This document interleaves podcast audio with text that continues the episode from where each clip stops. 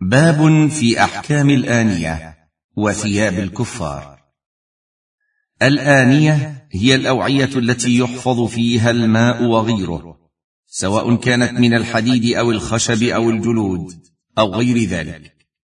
والأصل فيها الإباحة.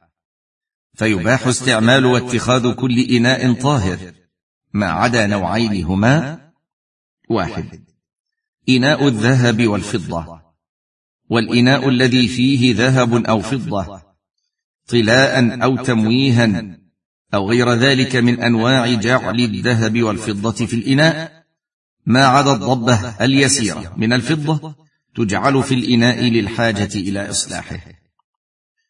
ودليل تحريم إناء الذهب والفضة قوله صلى الله عليه وسلم لا تشربوا في آنية الذهب والفضة ولا تأكلوا في صحافهما. فإنها لهم في الدنيا ولنا في الآخرة.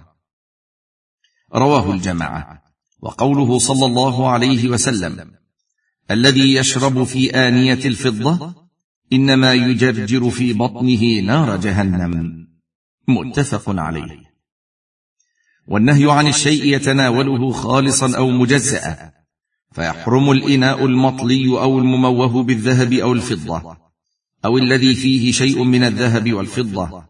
ما عدا الضبة اليسيرة من الفضة كما سبق.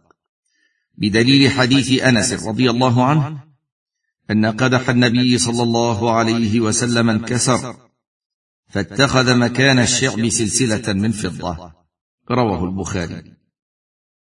قال النووي رحمه الله انعقد الإجماع على تحريم الأكل والشرب فيها وجميع أنواع الاستعمال في معنى الأكل والشرب بالإجماع.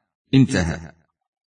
وتحريم الاستعمال والاتخاذ يشمل الذكور والإناث لعموم الأخبار وعدم المخصص. وإنما أبيح التحلي للنساء لحاجتهن إلى التزين للزوج.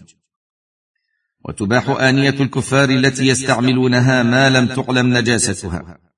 فإن علمت نجاستها فإنها تغسل وتستعمل بعد ذلك. اثنان. جلود الميتة. يحرم استعمالها إلا إذا دبغت. فقد اختلف العلماء في جواز استعمالها بعد الدبغ. والصحيح الجواز. وهو قول الجمهور. لورود الأحاديث الصحيحة بجواز استعماله بعد الدبغ.